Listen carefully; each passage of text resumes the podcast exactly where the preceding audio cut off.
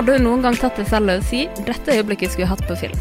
Når du ser en god scene i en dokumentarfilm, har det nok sittet en regissør eller en filmfotograf og tenkt 'dette øyeblikket har kun én sjanse til å fange'.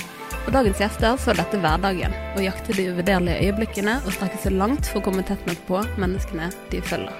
Så det blir en eh, episode om film og serier i dag. Eh, Hjertelig velkommen til deg, eh, Eivind Ratt Illebekk, regissør og fotograf i Screen Story, og Rolf Lysand eh, Bjøre, regissør, klipper og manusforfatter, som står bak kinofilmen 'Si ingenting om artisten Kamel'. Tusen takk. Takk for det. Velkommen begge to. Takk, takk. Hvordan har dere det i dag, da? Nei, jeg har det veldig fint, egentlig. Ja, det vil jeg si. Jeg har òg. Ja, Er det første gang i podkast for begge? Det er første gang eh, jeg prater i podkast. Mm. Jeg er jo glad i å prate, så jeg- gleder meg. Ja. Ja, det er min første gang òg. Ja. Jeg er sikkert ikke så glad i å prate som Eivind er, men jeg gleder meg, jeg òg. Nei da, dette blir bra. Uh, før vi begynner, så er det litt viktig å opplyse om at vi alle tre jobber sammen på produksjonen Uredd, en dokumentarserie om unge folk som eh, følger uh, drømmene sine. Og vi følger det opp mot et stort uh, øyeblikk i deres liv. Eh, så det blir på en måte litt egenreklame, det her. Så det er litt viktig å være åpen om. Eller hva tenker dere? Ja, Det er ryddig, det. Det er sant, det. Så Det vi skal snakke om i dag, det er tilgang. eh, og det er altså hva som skal til for å få tilgang til de øyeblikkene og scenene man trenger når man jobber med film og dokumentar. Um, det er Ja. Det er jo det som må til liksom, for å lage en god, spesielt dokumentarfilm, da. Og du vet aldri hva du får. Um, så først og fremst du, Rolf. Hvordan fant du ut at du ville jobbe med å lage film? Det var jo litt tilfeldig. Jeg var jo veldig glad i å se film, og så begynte jeg på folkehøyskole. Og så eh, valgte jeg film- og fotolinja, bare for å se om det var noe gøy. Og det er jo litt sånn, folk ler jo litt når de hører liksom Når jeg fant ut det jeg syntes det var ordentlig gøy. For det var, da casta jeg meg sjøl i hovedrollen på en film. Og så casta jeg ei jeg var forelska i, sånn at vi kunne spille kjæreste i oh, filmen. og så eh, Ja, så, så lagde jeg den filmen. Og når jeg ser han i dag, så er ikke han spesielt bra, men, men det var jo en veldig gøy prosess, da. Og så Ja. Merka jeg at jeg hadde veldig energi i det. Syntes Mhm. det var veldig gøy. Og at jeg kunne bli god. Jeg, Mhm. jeg var ikke så god da, vil jeg si, men, men at jeg kunne bli god, da, hvis jeg la arbeid i det. Så du hadde magefølelse på at det var her du kom til å ende Ja, det, og så har jeg liksom, når jeg tenker tilbake nå, så har jeg egentlig alltid hatt en regissør i magen. For Mm. når jeg var med kompiser sånn da jeg var små, så var det alltid jeg som fant på alle de verdenene og lekene, og liksom ga de regi da, på hva som skjedde nå. Og, Mm. Og av og til så var det så skummelt at de sa sånn Nei, Rolf, nå, nå, nå må vi avbryte, dette blir for skummelt. Ja. For jeg lagde liksom disse verdenene og jungler og Gøy. vesen som jagde oss, alt mulig. Mm. Og du er veldig glad i fiksjoner, vet jeg. Ja, jeg har veldig hjerte for fiksjoner. Ja. Jeg har lagd ganske mange kortfilmer òg. Men i dag er det altså dokumentar vi skal snakke om når det kommer til deg. Eh, men du da, Eivind, når var første gang du visste at du ville jobbe som fotograf eller regissør, eller? Nei, Jeg var jo egentlig veldig liten, da. Eh, For pappa har jo eh, filmet mye. Filmet meg mye opp igjennom. Vært opptatt av liksom familiefilm og sånne ting. Så han hadde tidlig et kamera, da. Så det fikk jeg låne. Eh, Så jeg filmet masse. Egentlig fordi at jeg selv ønsket å være foran kamera starten. For jeg syntes det var veldig gøy. Og så eh, ble jeg egentlig bare mer og mer fascinert av det, da. Jeg har alltid vært glad i å formidle. Hadde litt lyst til å bli forfatter. Men så fant jeg ut at jeg var ikke veldig god til å skrive, og jeg var heller ikke veldig interessert i å lese bøker. Altså det er litt dårlig kombo, da. Eh, så, så når jeg begynte å filme, så fikk jeg liksom utløp for det der, da.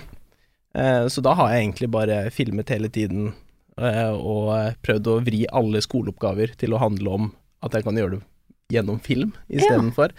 Um, så ja, det var, det var sånn det starta. Mm. Her sitter begge to. Uh, nydelige regissører på hver deres prosjekt. Eh, du, Rolf, har jo som nevnt jobbet på Si ingenting-dokumentaren de siste årene.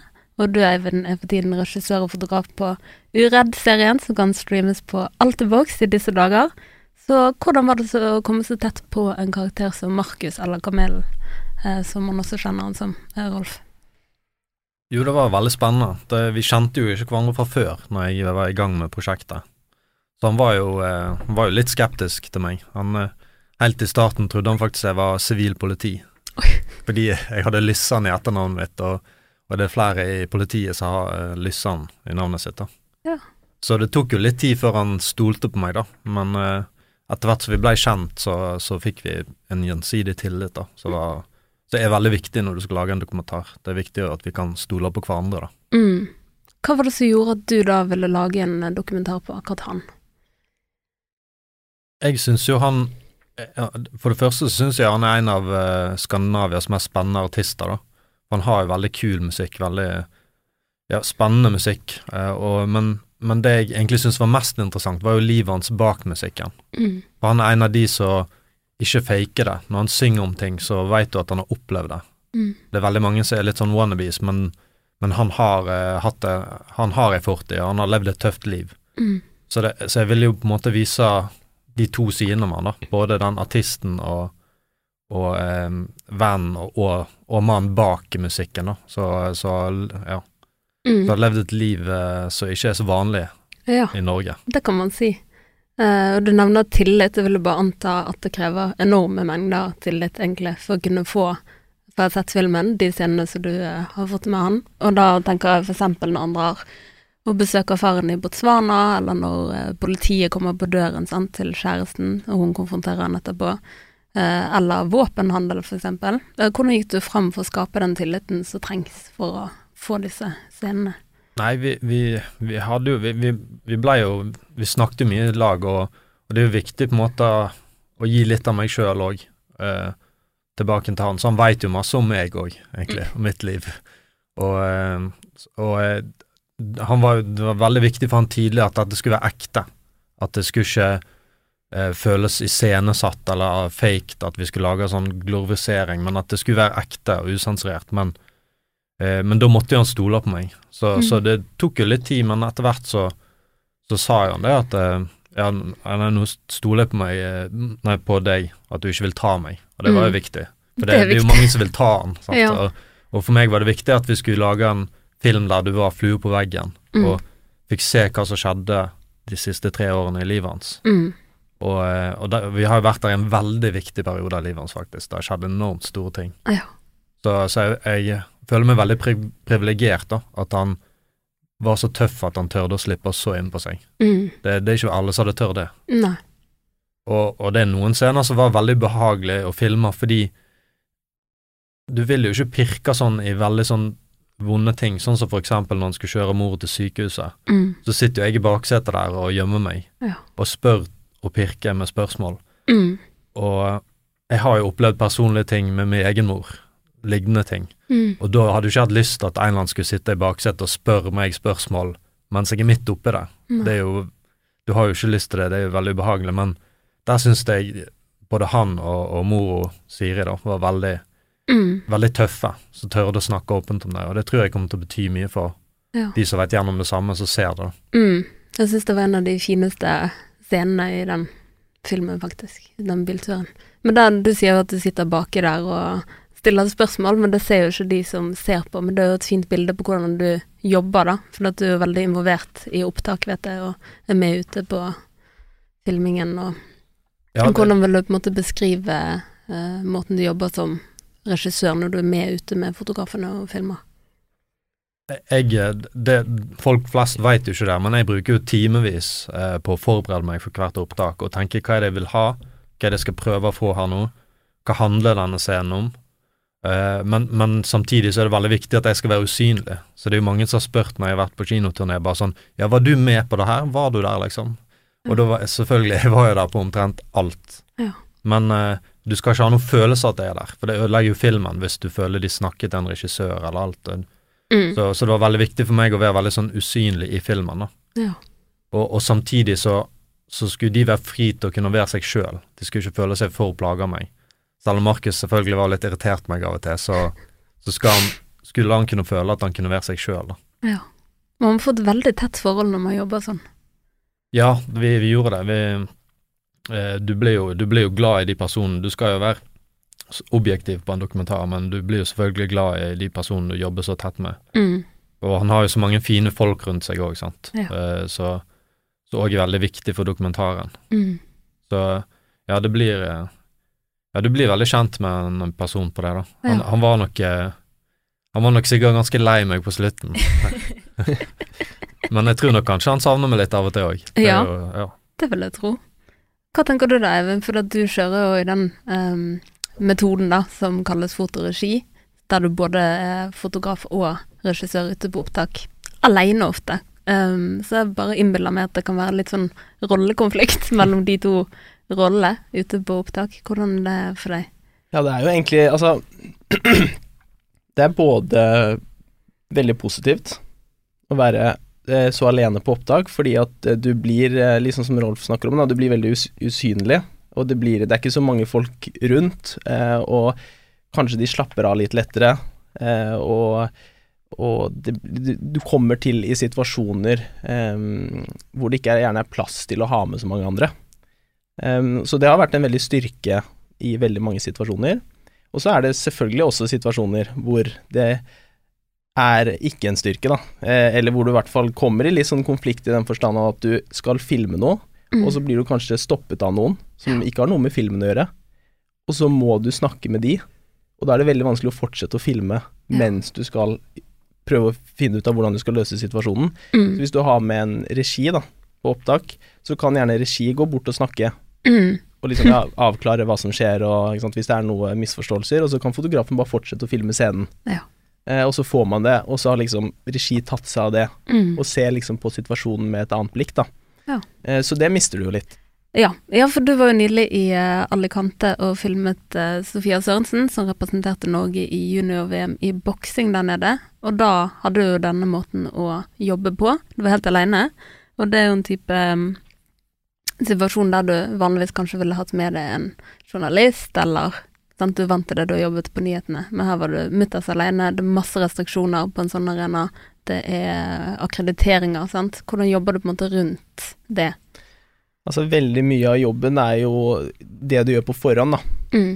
Planleggingen, og se for seg hva som kommer til å skje, og hva, hva, hva som kan bli liksom hiccupsene, da. Mm. Eller utfordringene. Og um, når du er på et sånt mesterskap, så er det som du sier, det er jo akkreditering blant annet, da, som er veldig viktig. Mm. Vite at du får tilgang. En Ja. Dokumentar handler jo egentlig utelukkende om tilgang. Mm. Både tilgang til karakterene, at de ønsker å, å, å slippe deg inn, eh, og filme sårbare ting, eh, og, og liksom la deg følge på uten at de stopper deg. Eh, og så tilgang til miljøet rundt. Mm. Fordi Sofia var jo Jeg hadde jo tilgang til alt der. Mm. Hun var liksom Det var helt greit. Mm. Men mesterskapet, det å komme inn i garderoben eksempel, eller backstage, da, Mm. der de varmer opp og sånn før de skal ut i boksekamp, der var det egentlig bare trenere som fikk lov til å være, Ja. eh, og utøvere. Eh, og dit visste jeg at jeg måtte inn, da. Hvis ikke så har vi jo ikke noe dokumentar. Eh, så da var det å, å snakke med Å ordne akkreditering og fikse det på forhånd. Og alltid tenke at det ikke ordner seg. liksom Mm. alltid ha liksom den der tanken i hodet, da. For jeg kommer ned dit, så har jeg jo fått beskjed om at det skal gå greit, Mm. etter litt masing og sånn. Og så eh, handler det om å liksom skaffe seg oversikt, da. Ja. Og gå opp det løpet før det skjer. Mm. Eh, gå til akkrediteringen, snakke med folka, finne de riktige personene. Eh, snakke igjen, ikke sant, gjøre deg synlig, forklare hva du må. Eh, så jeg var veldig spent på liksom Sofia sin første kamp. Mm. For da skulle vi inn i garderoben, eller inn i backstage der. Så går vi forbi førstevakt, det går fint. Så kommer vi inn, filmer, det går bra. Og så kommer det en, Ja. en spanjol bort til meg og sier at det her har ikke du lov til å være. Og da er det sånn, ok, greit, nå må vi håndtere dette her, da. Og da har jeg jo ikke med en, jeg har ikke med en regissør, men landslagstreneren er også veldig sånn på min side. Det er viktig å få folk med seg. Så da argumenterer vi og står på, og så, ok, greit, så går han og sjekker litt, og så er det fint. Så får vi filme videre, og så er det rett før hun skal inn, og jeg skal følge henne liksom inn på første kampen. Mm. Og da eh, blir vi også stoppet, da. Da er det en som sier at du får ikke lov til å gå videre nå. Mm. Og da tenker jeg nå, ry nå ryker jo den scenen her som er veldig Altså, vi, vi Mm. må på en måte komme inn her, da. Mm. Eh, så hvis det det er ett minutt igjen til hun skal inn, og vi står og, og landslagstreneren er like med her, da. Eh, og vi står og liksom argumenterer, argumenterer, du må ringe, ringe, ringe, ringe de personene. Og da er jo all den jobben du har gjort på forhånd, Ja. ekstremt viktig, da. Og så går han og prater med noen, og så plutselig sier han liksom 'Å, beklager, beklager, her er det bare å gå inn', og Ja. Og så får vi filmet det vi skal, da. Ja. Og etterpå så går jeg opp og finner han som er sjefen for hele området, og Mm. så sier at nå har jeg hatt et problem her, det må ikke skje igjen. Mm.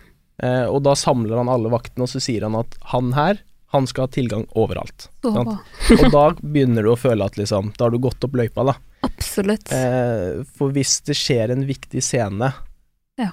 og du blir stoppa, Mm. så kan liksom hele filmen ryke. Ja, det er det, for dette, dette er jo idrett, sant, og det er snakk om minutter ofte, det er reaksjoner man ofte er på jakt etter, sant, og eh, blir du da stoppet når hun løper gråtende ut, enten fordi hun har vunnet eller har tapt, sant, så da har man jo ikke fått kanskje den viktigste Nei. scenen for historien.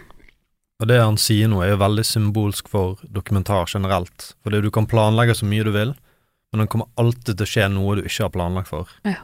Så jo mer du er forberedt, jo mer takler du de utfordringene som garantert kommer. Og det kommer hver gang. Mm. Uansett hvor godt du planlegger, så skjer det aldri sånn som du hadde tenkt. Ja, har du noen eksempler? du-? Ja, for eksempel i, i Singenting så hadde vi filma når de lagde albumet Frikjent. Eh, da hadde vi filma i fem timer, hadde masse fantastisk materiale. Jeg var kjempehappy. Og så tenkte jeg sånn, ja, men nå, nå føler jeg vi har det vi trenger, liksom. Og gikk bort, og så skrudde jeg av mikrofonene deres, for jeg tok jo lyden på det. Mm. Og akkurat da dytta han Adrian, bestevennen, inn i busken. Ja. Som ble en veldig viktig scene. Ja. Så viser den lave impulskontrollen han har, og Mm. og, og viser òg veldig mye vennskapet de har, det nære vennskapet de har. Så det ble en kjempeviktig scene, men da hadde jeg Så når han datt inn i busken, så fikk, tenkte jeg først Oi, gikk det bra nå? Og så tenkte jeg nei, jeg har skrudd av mikrofonene. Mm. For det er det regissøren og meg. Men, men heldigvis var det så stille der at eh, vi hadde en veldig god mikrofon på kamera som fanger opp lyden bra, da. Oh. Men, men det er sånne ting som alltid skjer. Alltid når du tror du har, eh, er ferdig, og så, så skjer det plutselig noen ting Mm. du aldri så for deg. da. Jeg husker den scenen veldig godt. Da lo jeg litt, faktisk.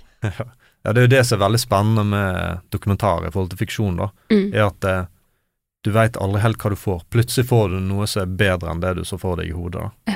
Er ikke det det ofte handler om? Jo. At man aldri kunne egentlig forestilt seg det man ender opp med. Mm. Det er jo litt sånn erfaringer vi har gjort oss på Uredd og Ja, det er, det er liksom alltid en du, må, du, du har en plan, og så går du etter den planen, og så skjer det endringer, fordi Mm. du jobber med personer og virkelighet, og så må du endre mm. planen hele tiden. Så finne ut hvordan du skal fortelle historien best mulig, da, Ja. eh, og hvilke For det handler jo om å være til stede når øyeblikkene skjer. Mm. Og det er jo det, Hvis du ser en dokumentarfilm, så kan det virke litt sånn Noen ganger kanskje litt enkelt. Og ja, de har bare tatt opp et kamera, filmet den situasjonen Mm. som skjer, ikke sant. Eh, men det handler om å legge til rette for at det skjer når du filmer. Ja. Og da må du liksom se for deg når, når er det disse situasjonene kommer til å skje, hvordan kan jeg være der. Ja. Ehm, så um, det er en sånn bitte liten ting, da, for eksempel med den Sofia-episoden Mm. så kommer foreldrene hennes.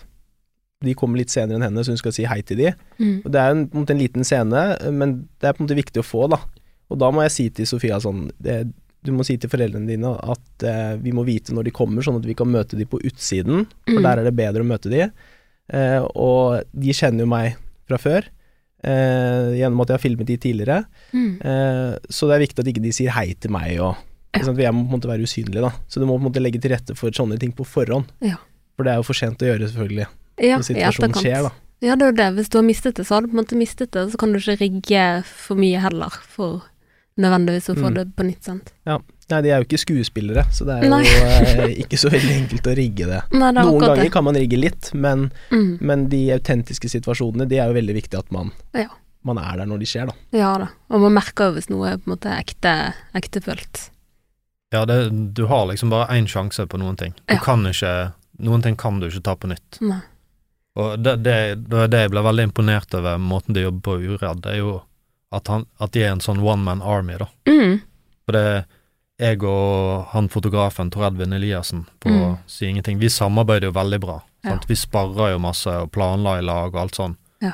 Eh, og det er jo ikke så lett når du er aleine, som sa at han må drive og organisere samtidig som han skal fange ting på kamera. Sant? Mm. Det, det er jo en veldig fordel når du har en regissør som kan løpe og snakke med disse folkene rundt og planlegge de, Ja. og så trenger ikke fotografen å tenke på det. ja, det er helt imponerende. Og jeg tenker også, sant, Du har erfaring fra å jobbe på nyhetene, der du ofte har reist med sant, i hvert fall én journalist, kanskje man er flere, sant. mens her er du kanskje to uker aleine eh, nede i Spania sant, på opptak, og du har fritid der. Så jeg lurer litt på liksom de relasjonene Altså hvordan skiller du mellom jobb og Eivind privat fritid i Spania, da? Nei, det er, jo, det er jo viktig å bruke litt tid med Spesielt i Spania, da, da har du en gyllen mulighet, sant. For da Mm. er du der nede hele tiden. Eh, så da var jeg litt sånn opptatt av å bruke tid med, med alle folka uten kamera òg, da. Mm. Eh, sånn at jeg slapper av litt, og sånn at vi så på håndballkamp sammen. Og, Ja. det er jo fritid for meg, men samtidig så er det også jobb. Ja. Eh, men det er viktig fordi at du skal bli kjent med de, kanskje du plukker opp ting i samtalen som Mm. du bruker senere. Jeg, jeg kunne jo ingenting om boksing før jeg startet, så det har jeg bare lært underveis mens jeg Mm. har pratet med de. Og ja, det er viktig. Ja. Og, det, og så kan jeg bare, kanskje notere litt på mobilen, Mm. og så kan vi snakke om det en annen, altså, senere, da. Ja. Um, og den måten så, så blir jo Så slapper det jo av. Og jeg var jo avhengig av litt hjelp fra dem også, eh, for jeg hadde GoPro-kamera blant annet som, som de filmet med oppe på tribunen, Ja. noen venner der. Ja. Og da er det viktig å ha litt sånn god relasjon, og at de skjønner, sånn at du får litt sånn goodwill òg, da. Mm. Um, så um, uh, ja. Så man må òg være en ganske god relasjonsbygger, da, på mange måter. Den tida du bruker bak kamera, når kameraet er slått av, den er like viktig som den du bruker når du faktisk filmer. Mm. For det, du kan ikke bare ta opp et kamera, peke opp folk, og så gi dem tilgang til livet Nei, ditt. nei, det er akkurat det. Du må faktisk bygge opp tillit og bli kjent med dem. Og, og du må lære deg ting, som Eivind sier. Du må lære deg viktig informasjon Mm. så, så, så er viktig for filmen, da. Så du Ja. kan ta inn i filmen. Mm. Og så skal det sies da at siden vi er eh, Jeg er jo alene på opptak, men sånn som Rolf nå som er med å klippe, Mm. eh, han og også på en måte jobber som regissør, ikke sant, er jo veldig flink til å komme med tilbakemeldinger før opptak, så vi kan jo spare eh, før opptak, Mm. og han kan, når han klipper, så kan han også si at åh, jeg føler at vi mangler dette hvis det er et eller annet, ikke sant, og du skal på Ja. et nytt opptak, så kan man ta det. Så, så um, selv om man er alene, Mm. så er det også veldig viktig å bygge det teamet, da. Mm. Man har flere, som, flere øyne som ser på det. Ja. Eh, Det blir jo et bedre produkt av det. Absolutt. Og da har jo du snakket mye om, Rolf, med eh, regissør klipper, på en måte, at vanligvis ville det vært en sånn psykolog psykologrelasjon, og nå har du ingen å spare med nødvendigvis hvis man sitter alene med Ja. materialet som man sjøl har regissert. Ja, det er sant. Det, det så jeg har ofte liksom, når jeg klipper for andre regissører, så, så har jeg vært litt sånn den som klapper dem på ryggen og sagt sånn ja, men dette er bra, du, du må ha tro på materialet, dette går fint. Mm. Men når jeg klippte Si ingenting, så var jo da, da var jo jeg regissøren òg, Mm. så det var veldig tøft, fordi jeg hadde ingen til å klappe meg på ryggen og si at dette blir bra.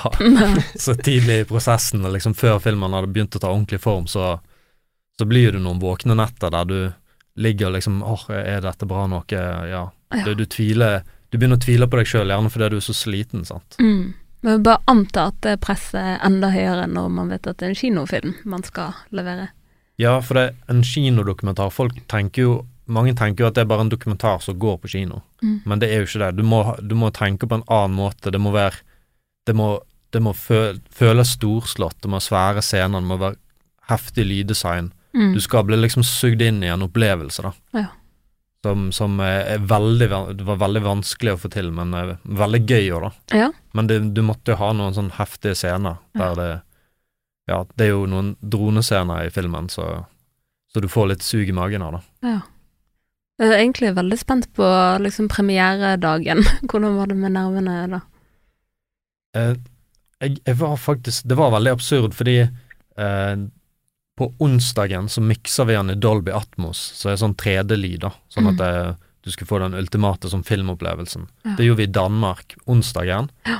Og så når den var ferdig, så sendte vi den til Oslo, så lagde en DCP, som vil si en kinokopi av det, så er det en ganske stor jobb, da. Mm. Det krever egentlig mange dager, men de hadde én dag på det. Ja. Så flyr vi til Oslo, Ja.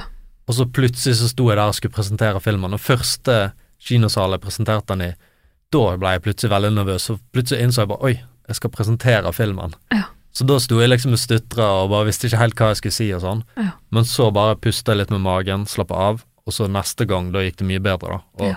Og på den premieren som vi så han på, da, som var jeg på Odeon kino i Oslo, Ja. da gikk det mye fin, bedre, da. da Ja. det, da jeg, jeg hadde tru, eller jeg hadde selvtillit på håndverket, da. Jeg følte Mm. vi hadde en god film. Men du er alltid litt nervøs på om det skal skje noen tekniske ting. Sant? At det skal henge seg opp, eller lyden forsvinner og sånn. Ja. Men mottakelsen har vært veldig bra.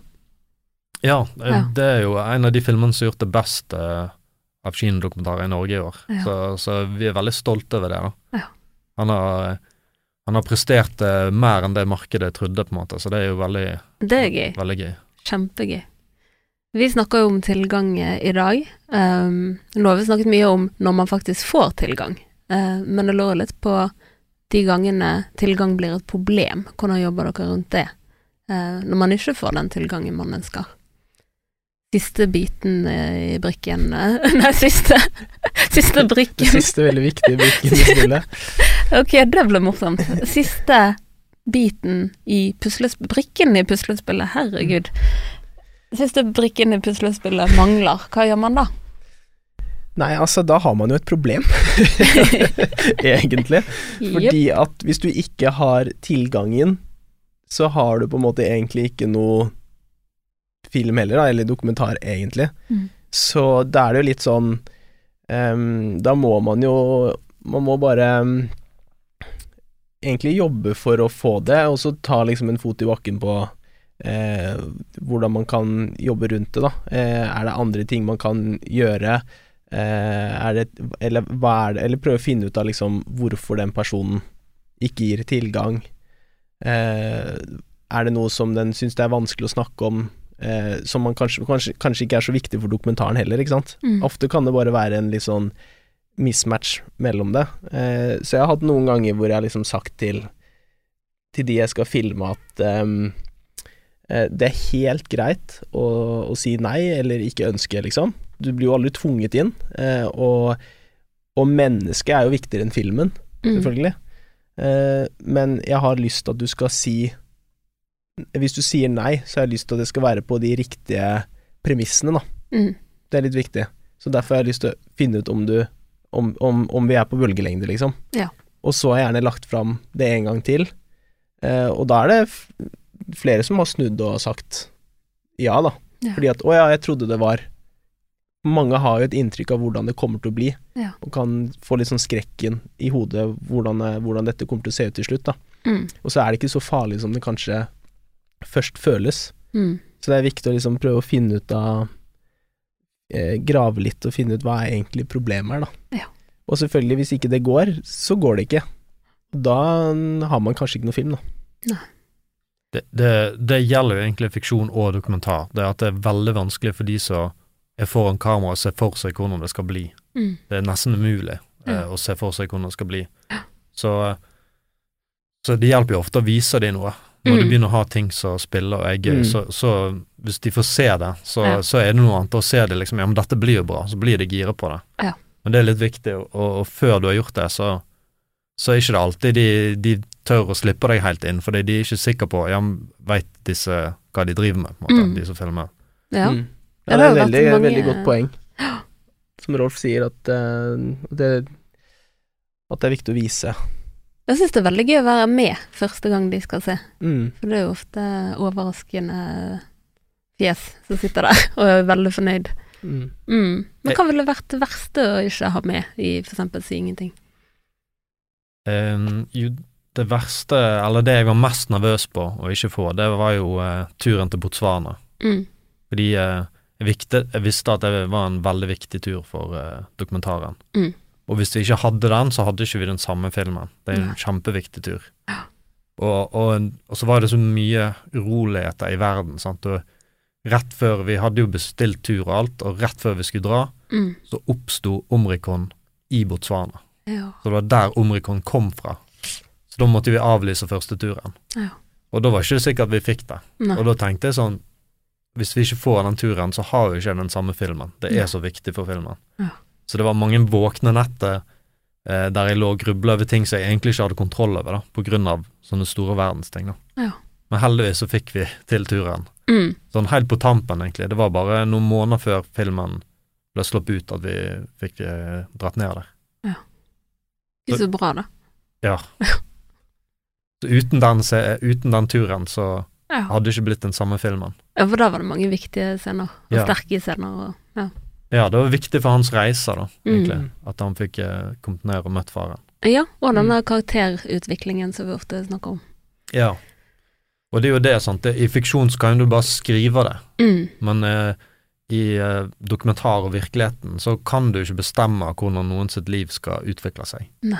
Du, du må bare prøve å være der i de viktige vendepunktene, da. Ja. Mm. Og der var vi veldig eh, heldige med at Markus eh, ga oss den tilgangen, sånn at vi var der på de viktige vendepunktene i hans liv. Ja, for det kre jeg tenker liksom på at det må kreve litt. Mm. Jeg vet ikke om jeg hadde klart å åpne opp Men på den måten. Det er veldig nervepirrende, det er det. Eh, Sånn så eh, når han skulle konfrontere faren, Mm. så, for, eh, så da, da var jeg sånn todel, for jeg bryr meg veldig om eh, Da har jeg kjent han lenge, jeg bryr meg veldig om han som person, så jeg er Mm. veldig spent på hvordan det går med han. Mm. Og så vet jeg òg at dette, denne konfrontasjonen er jo hele grunnen til at vi er i Botswana. Mm. Det er en, det er en dyr tur, vi har et Ja. team med oss, det er liksom masse som står på spill. Mm. Og hvis vi, hvis ikke jeg som regissør er på, og fotografen er på, og får fanga den konfrontasjonen, så får vi det aldri igjen. Ja. Det går ikke an å ta igjen. Det, du har én sjanse. Så både jeg og fotografen var ganske nervøse når vi skulle filme det, da, fordi Mm. vi ville ikke være de som fucka det opp, i hvert fall. Det, og det er, og det er jo en utrolig fin scene da, i filmen, det med faren og konfrontasjonen. Mm. Eh, og um, det sier også på en måte også hvor viktig det er å være nøye helt til liksom minste detalj. Da. For hvis du står der og filmer, og alt er lagt til rette for, alt du har jobbet for, og så eh, har du én strek på kamera, Mm. på batteri, altså en sånn bagatell-ting, så kan det ødelegge alt, da. Ja. Så det å på en måte sånn Ok, nå skjer det en viktig scene snart, vi vet at det kommer. Ok, vi bytter batteri, vi bytter batteri på myggene. Vi sjekker at liksom Mm. alt er teknisk er greit. Vi rigger til liksom Vi vet at den situasjonen skjer, sånn at vi er på, sånn at vi har liksom mye tid til å filme før og etter. Ja. Du vet ikke liksom hvor lang tid det tar, og du vet ikke akkurat hva som skjer. Ja. Så det er veldig Og det går liksom på Det går på planleggingen, da. Mm. Og, mm, Ja, det, og det er veldig godt poeng det Even sier, fordi du kan planlegge til en viss grad, da. Og vi Mm. visste hvor de skulle ha praten. Det var Mm. ute på terrassen der. Så det, det var eneste infoen vi hadde, på en måte. Der skal de prate la, i lag. Mm. Så da var jo fotografen eh, flink og lyssatt, sant. Han, han teipa fast noe lys, sånn at vi skulle få litt bedre lys, og, og vi liksom forberedte best. Og han gjorde sånn som Eivind sa, han sjekka batteriene, at det er ledig plass på minnekortet. Alt var til rette, da. Mm. Og så, når det skjer, så begynner jo de å prate, og så plutselig så løsner teipen på en lyset, og så detter det ned. Ja. Smeller ned i stolen på siden av, og så ligger det bare lyset inne i kameraet. og så kommer det en fra sida inn, og så ser han på lyset, og så plukker han det opp og begynner å se på det, og liksom stjeler all oppmerksomhet i bildet. Ja. Og jeg tenkte sånn, nei, nå ryker hele scenen. Ja. Men så vifter jo Markus han vekk, nei, nå, nå må du gå. Så han bare Mm. vifter han rundt hjørnet, og så går han vekk. Ja. Og så begynner de praten, som ble så fin og naturlig, da. Ja, veldig. Så, men, men det er liksom sånn Det er sånn typisk eksempel på at virkeligheten treffer deg, da. Og det skjer sånne ting som du ikke klarer å se for deg. mm. Men, men det ble veldig fint, da, uansett. Man skal være godt forberedt. Ja, og det Det er er bare å konkludere. Ja, det er akkurat det, altså. Det er så viktig, og du kan rigge på forhånd, og så Det er liksom litt sånn nøkkelen for det, da. Du rigger til på forhånd, med planlegging, teknisk og alt du vil, Mm. og så lar du situasjonen utløpe seg, da. Mm. Det var en gang jeg skulle filme eh, en som skulle gå på graven til mannen sin Mm. med noen barnebarn. Ja. Og da er det sånn Da holdt jeg de på en måte litt vekke fra kirkegården, liksom borte for parkeringsplassen, så de bare skulle vente ved bilen. Mm. Sånn at jeg kunne gå på og rigge til liksom et totalbilde av hele stedet. Mm. Og stå bare rolig der med kamera, sånn at de kom opp, og så kunne på en måte scenen bare utspille seg litt i et sånn totalbilde, da. Ja. Og da er det jo Da handler det om at jeg gjør Jeg vil jo ikke tulle for mye med eh, selve scenen når det skjer, Nei. Men du må rigge til på forhånd, sånn at du på Mm. en måte er klar, og så kan de på en måte altså du kan gjøre sånne ting, da, Mm. for å sørge for at eh, du er der når det skjer. Ja. Legge til rette, da, Ja, på en legge måte. til rette. Ja. Ja, for det, det, det er veldig sånn sant som han sier, du skal ikke tulle til med sånne ting nå. Og sånn som når Markus eh, skulle prate med faren, da var det viktig, da skal vi bare holde kjeft. Da Mm. skal ikke jeg stå og Gi gi regi. regi eller sånn som det. Da, skal, da er det en viktig prat mellom de. Da skal jeg bare holde kjeft og, og fanger lyden, og fotografen skal fange bildene. Mm. Men eh, utenom det så skal ikke vi blande oss inn i hele tatt, og det er veldig viktig på det, Noen ting du kan ha litt styring på, sant, når du tar sånn dronebilde og alt sånt, men, Mm. men når virkeligheten utspiller seg, så skal jo du ikke blande deg når det er veldig personlige ting. Ja. Mm. Det må være en balansegang i og med at du er veldig involvert òg, sant. Når skal man trekke seg tilbake? Ja, du, du må gjøre til rette for at du skal være der når virkeligheten skjer, da. Mm. Og, og, du kan legge opp til litt hvor det kan skje av og til. Men, men det er jo ekte personer, så det er jo viktig at det, det som skjer, er ekte, og Ja. at du ikke styrer noe av det, da. Ja. Det fikk jo dere til, da. Og så er det i første episode av Uredd, der møter vi jo Michelle Ullestad, som er artist her i Bergen. Eh, og hun eh, skal jo da ut på sitt eh, ja, største eventyr så langt i karrieren, å spille på Bergenfest. Eh, men vi får jo komme veldig tett på hun og hennes historie. Hun har jo eh, gått igjennom en god del. Hva ville vært det verste å gå glipp av fra den historien? Nei, en ting som eh, vi diskuterte med henne på også, da, var jo det med å um, vise Ha med datteren sin på film. Mm. Og det har jeg utrolig stor respekt for, da. At folk eh, eh, verner om ungene sine, rett og slett. Mm. de har ikke valgt på samme måte å være med. Eh, så, men for meg så var det en veldig viktig del av historien at vi fikk en scene sammen med hun og datteren. Mm. Det er en stor del av henne, henne hennes liv. En veldig viktig del, selvfølgelig. Eh, og så, eh, så da jobbet vi egentlig Da var det tilgang, da. Og på en måte forklare hva vi skulle bruke det til, og, og da hadde vi på en måte en deal med at jeg kom opp og filmet det, eh, og så skulle, kunne vi få se scenen etterpå. Eh, men for jeg, jeg, jeg vil på en måte ikke ha noen restriksjoner når jeg filmer. Nei. For da, sant, da kan du miste ting. Mm. Da tar du heller de hensynene i klippen, da. Eh, og når hun så det i sammenheng, så syntes hun det var helt fint. Ja. Da var det helt greit, fordi at det passet inn, og vi, det er ikke men, vi ønsket ikke å overbruke det. Vi ville bare bruke den scenen akkurat til det den scenen skulle være. Mm. Um, og det er veldig Jeg er veldig glad for at vi fikk den scenen, for jeg syns det ble fint. da. Det gjør jeg òg. Veldig. Dere vi snakker om klipperommet nå. Mye skjer jo faktisk i klipperommet. Og du, Rolf, klipper jo nå materialet som Eivind har filmet til Uredd. Dere samarbeider veldig tett for tiden. Eh, Så hvordan er det for deg, eh, Eivind, å overlate måte Overlate litt av skjebnen i hendene på Rolf? Når jeg overlater det til Rolf, så er det egentlig veldig deilig. Altså sånn, for det, det handler jo om at man må være på lag, da. Og det er ikke sånn at man ønsker å overlate nødvendigvis materialet til liksom hvem som helst. Mm. Eh, for du vil at det skal bli bevart, og så vil det også bli utfordra. Mm. Så jeg vil jo at Rolf skal kunne utfordre meg og si Jeg vet at du har veldig lyst til å ha med dette, men det, det er ikke sikkert at det gagner historien, da. Mm. Så det å få et ekstra blikk Ja. og se liksom hva er det som gagner historien, det er liksom det som er det viktigste. Ja. Eh, og ja, det at vi kan spare sammen, og før man skal på opptak, så eh, så kjenner begge to materialet. Mm. Så det er, det er veldig fint. Så er det jo selvfølgelig Det er jo en personlig ting for meg òg. Eh, når, man, når man filmer og liksom Rolf ser jo gjennom hele arbeidsdagen min, Mm. minutt for minutt. Eh, så han ser jo på en måte blott, Du blottlegger deg jo litt, da. Ja. Hvis det er noe du mister, eller noe du liksom, føler, så er det men, men der handler det jo om at eh, at, man har liksom gjensidig respekt, da, og man, man kjenner det, og, og, og en god klipper, som Rolf er, så ser man muligheten i materialet, og ikke begrensningen i materialet. Ja. Sant? Selvfølgelig man kan si Har man muligheten til å filme mer, så er det jo fint å ha muligheten til å få inn mer materiale, da, Mm. eh, og godt materiale. Men du må ha en klipper som, som på en måte Ja, men vi kan gjøre det sånn, vi flytter det der, så funker det, liksom. Ja. Eh, Istedenfor hvorfor fikk du ikke det, hvorfor har vi ikke det, hvorfor har vi ikke sånn? Mm. For det hjelper jo på ingenting, i hvert fall hvis ikke du har muligheten til å filme noe mer, da. Ja.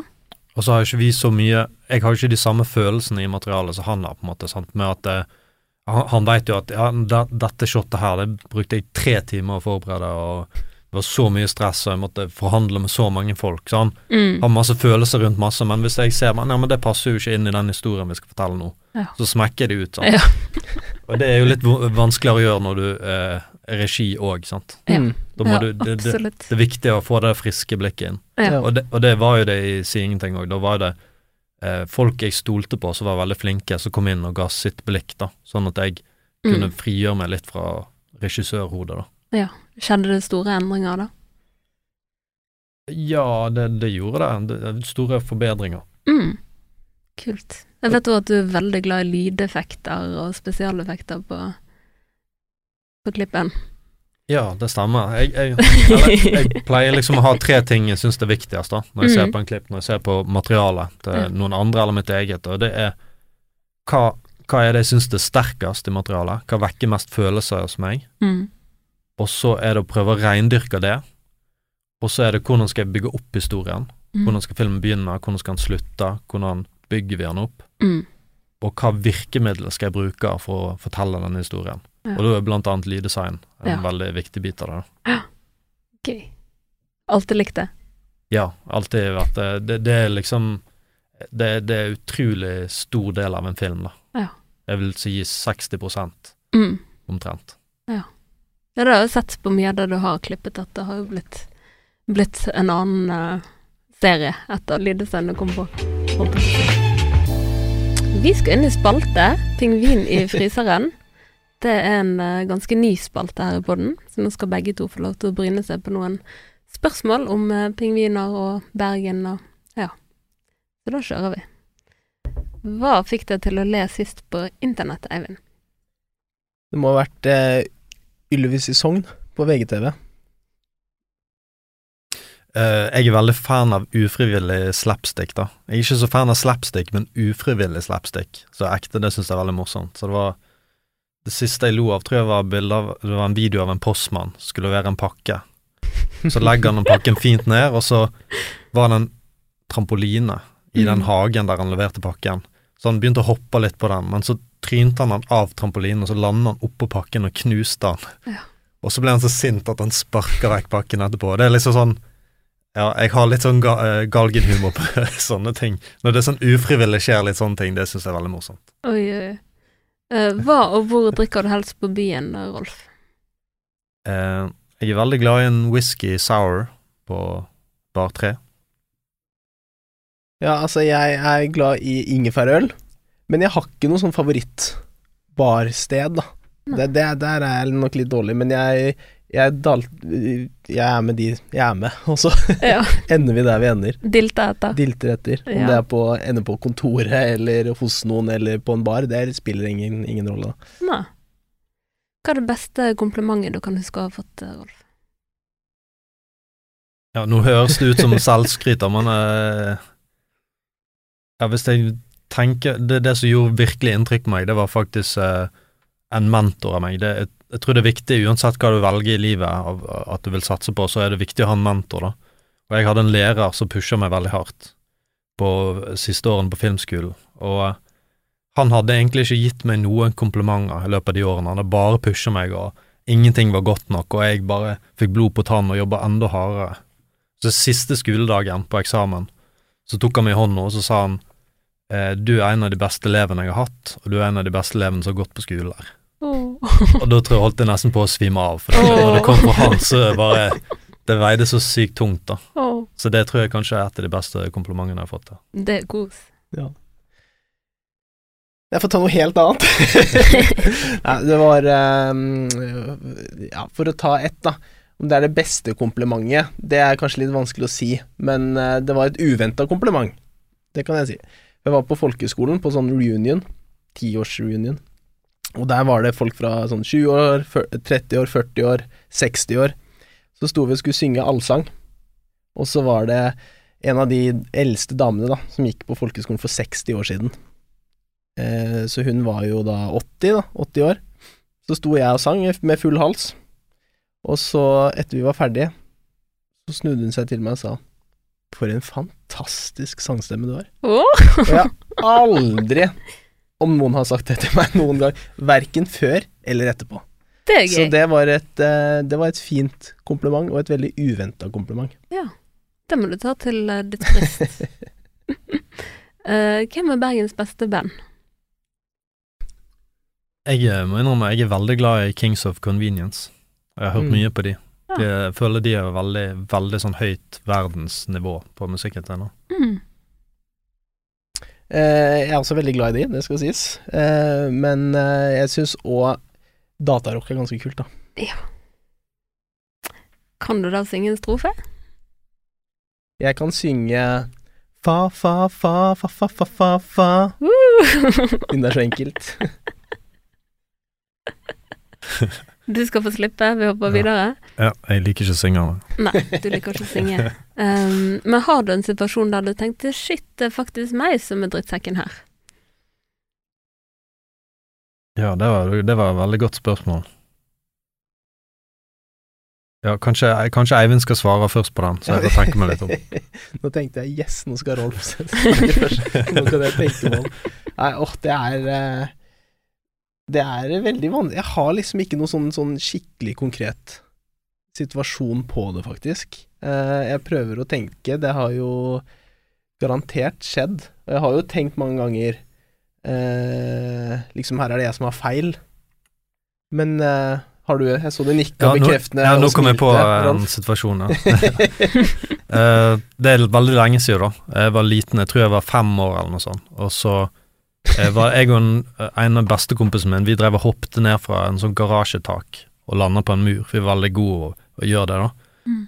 Og så hadde han ei lillesøster en gang som alltid ville henge med oss, og så ble hun med, og så syntes vi det var så enkelt å hoppe ned på den muren, og så ville vi ha henne til å gjøre det samme.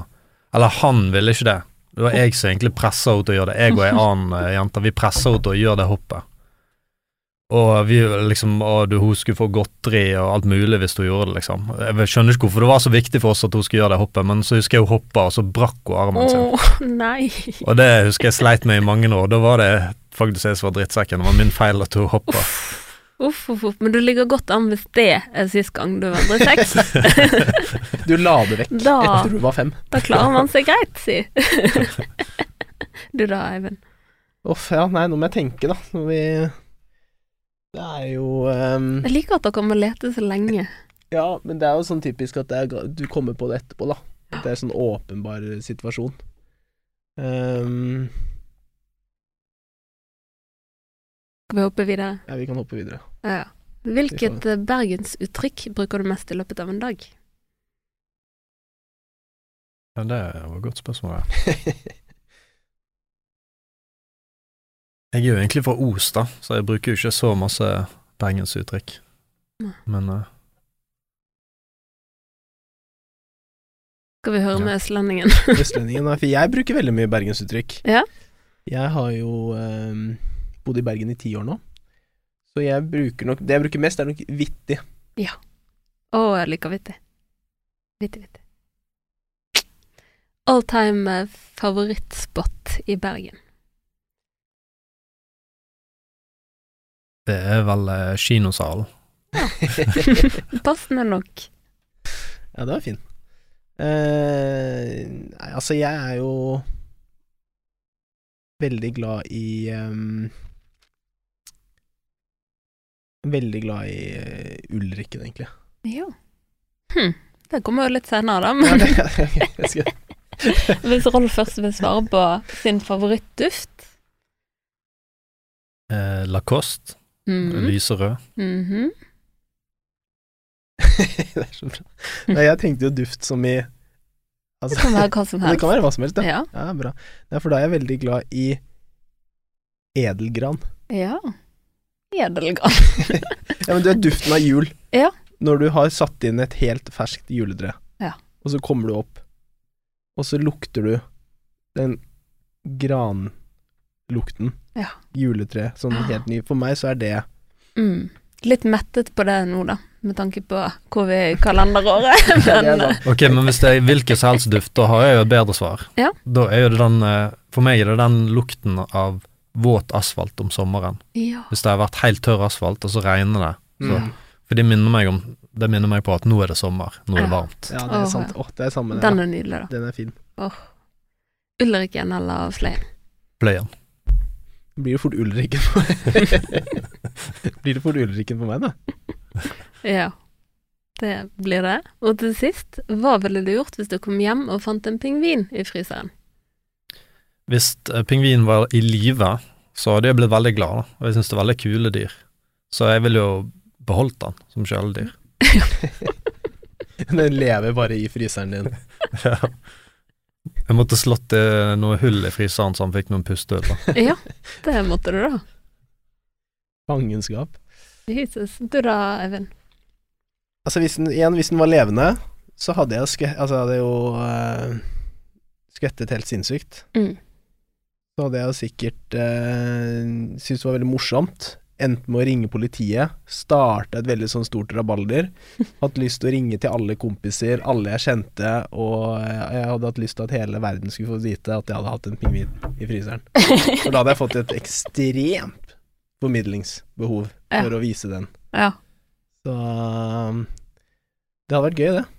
Ja, Men jeg hadde det- kanskje sendt den tilbake til akvariet, da.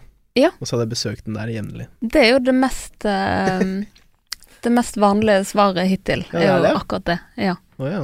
det er det. Så det var den spalten. Da vet vi det. Gøy. Eh, vi må snakke litt mer om Uredd. Eh, du hadde jo allerede begynt på det konseptet når meg og Rolf kom inn i bildet. Eh, hva var liksom tanken fra start der? Ja, vi kalte jo eh, Skulle pitche noen ideer til Altibox, da. Og så eh, startet det egentlig med at sånn arbeidstittelen var jo litt sånn drømmen. Mm. Eh, å følge unge, unge voksne, unge mennesker, eh, mot drømmen, eh, mot et mål. Det kunne egentlig være hva som helst. Eh, og så, ja, fikk vi litt mer sånn at vi kanskje ønsket å vri det litt mer mot sånn redselsting. At de var liksom redde for noe. Og så har det egentlig sklidd litt tilbake til Altså, nå ble du uredd, da. Eh, og um, så har det sklidd gjerne litt tilbake til at det er måte målet At de liksom følger dem mot et konkret mål, da. Mm. Og det er det jeg syns er litt sånn fint, er at man i hver episode møter et nytt menneske hvor vi er med i hva som betyr mye for dem, eh, følger de mot deres mål, og at det er um, At det liksom Ja, det er det som står på spill for de, og at vi får den forløsningen på en måte i slutten av episoden, da. Mm. Hvordan det går. Ja. Um, så det var det som var liksom tanken bak. Ja. Det er jo sånn det har blitt, og det er veldig variert eh, innhold. Vi følger jo en artist, en kunstner, bokser, maratonløper, en gründer, og så to gutter som driver med sånn recycling av klær. Mm. De vil endre klesbransjen. Bransjen. Eh, så hver eh, episode er jo ganske ulik. Men eh, hvor mye tenker du på en måte på uredd utover de timene du er på jobb? Nei, jeg tenker Det går jo kverner i hodet litt hele tiden, da. Men plutselig kan du komme opp med ideer eller tanker, og så da må du bare skrive det ned med en gang. Eh, og så, men så går jo på en måte Hverdagen går jo fort, da. Eh, så Men ja, jeg tenker ganske mye på det. Mm. Og det er som Rolf sier, vi står midt oppi det nå, og vi skal levere tre episoder til. Vi har levert tre, vi skal levere tre til. Og du er jo avhengig av de du skal filme. At Mm. målet deres skjer, eller i hvert fall at liksom Ja, du får avslutningen, og Så du, du, du sitter jo og venter på utvikling hos de også, da. Mm. I det- et begrenset I et begrenset tidsrom. Så det er jo det som er litt utfordring, utfordringen, selvfølgelig, er at eh, du skal lage en følge på eh, dokumentar Mm. eh, på egentlig ganske kort tid, da. Ikke så mange opptaksdager Ja. per episode. Um, så det er jo utfordringen, men utrolig gøy å jobbe med. Ja, Veldig. Du da, Rolf? Hvordan syns du det har vært? Jo, jeg syns det er gøy, for det, det som er med konseptet, er at du har noen karakterer som kan gå gjennom en utvikling på veldig kort tid. Mm. Så ikke så vanlig å se. Sant? Det, du, så du får en følelse av at du har vært med dem ganske lenge, Mm. og at du kom veldig inn på dem. Og så er det liksom Det er noe vi kan kjenne oss igjen i, da, både meg og Eivind, tror jeg. Det å bare satse på noe, og, og som tar deg ut av komfortsonen, Mm. der du risikerer å gå på trynet, Ja. men du er villig til å satse likevel. Og de tar jo en risk, alle de som er, så det er veldig spennende å følge det. Veldig. Det blir jo nesten litt dramatisk i noen av episodene òg. Mm. Ja. Ja, det, er veldig, det er veldig gøy. Ja. Er dere spent på at folk skal få se noe, da? Jeg håper jo at Altså, jeg håper jo at eh, flest mulig får sett det, da. Mm. Eh, og det er jo veldig mye å se på i dag, ikke sant. Det er jo masse strømmetjenester, mye innhold, eh, og det er jo et begrenset antall ting som folk kan se. Mm. Um, så du har jo lyst selvfølgelig til å rope ut sånn eh, Se dette! Altså, du har veldig lyst til at folk skal se det. Ja. Uh, så det er jo det som er spennende, da. Ja. Eh, Veldig. Mm. Mm. Og du da, Rolf, vi har snakket litt om Si ingenting-filmen i dag, og hvis du skal oppsummere den produksjonen med, ja, la oss si tre ord, hva sier du da? spennende, nervepirrende og lærerikt. Det var fine ord. Fine ord å avslutte med Vi har kommet til veis ende i denne episoden. Så tusen takk til begge to for at dere ville henge her med meg i studio. Selv takk. Ja, og takk til deg som hørte på. Hør, håper du kan dra noe ut av denne episoden. Og vi snakkes nok veldig snart. Eh, Tudelu ut.